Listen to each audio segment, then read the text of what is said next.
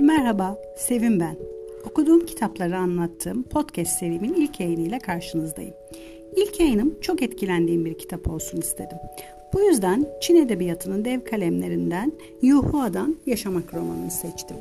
Yaşamak Çin tarihinin bir kesidi aslında. Bir ailenin hayatıyla iç içe geçirerek Çin tarihini anlatmış bize.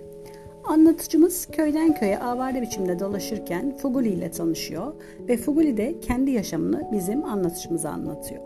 Çin devriminden önce 65 dönüm tarlası olan zengin bir efendinin oğlu olan Fuguli, safahat hayatı ve kumarla her şeyini ama her şeyini kaybediyor ve esas yaşamı aslında bundan sonra başlıyor. Roman boyunca bu ailenin yaşadıklarını okuyup içten içe Fuguli'ye kızarken Japon-Çin Savaşı'nın son günlerini, arkasından gelen Çin İç Savaşı'nı, komünizmin ülkedeki egemenliğini ve Çin kültür devriminin halk üzerinde yıkıcı etkisini okuyoruz. Çalışıp çabayla elde ettiğiniz topraklar komüne devredilirken, tencereleriniz bile elinizden alırken halk olarak sadece arkasından ağlıyorsunuz. Bence kesinlikle okunması gereken bir şaheser yaşamak.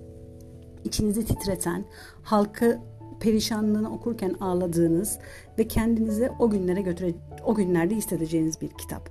Jaguar kitaba böyle bir eseri dilimize kazandırdığı için çok teşekkür ediyorum. Çevirmen Bahar Kılıç'a ayrıca teşekkür ediyorum. Bence mükemmel bir iş çıkarmış.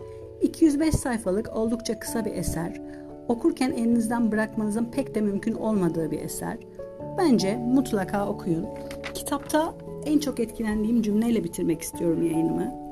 Yanlış söz söyleme, yanlış yatakta uyuma, yanlış eşikten girme ve elini yanlış cebe atma.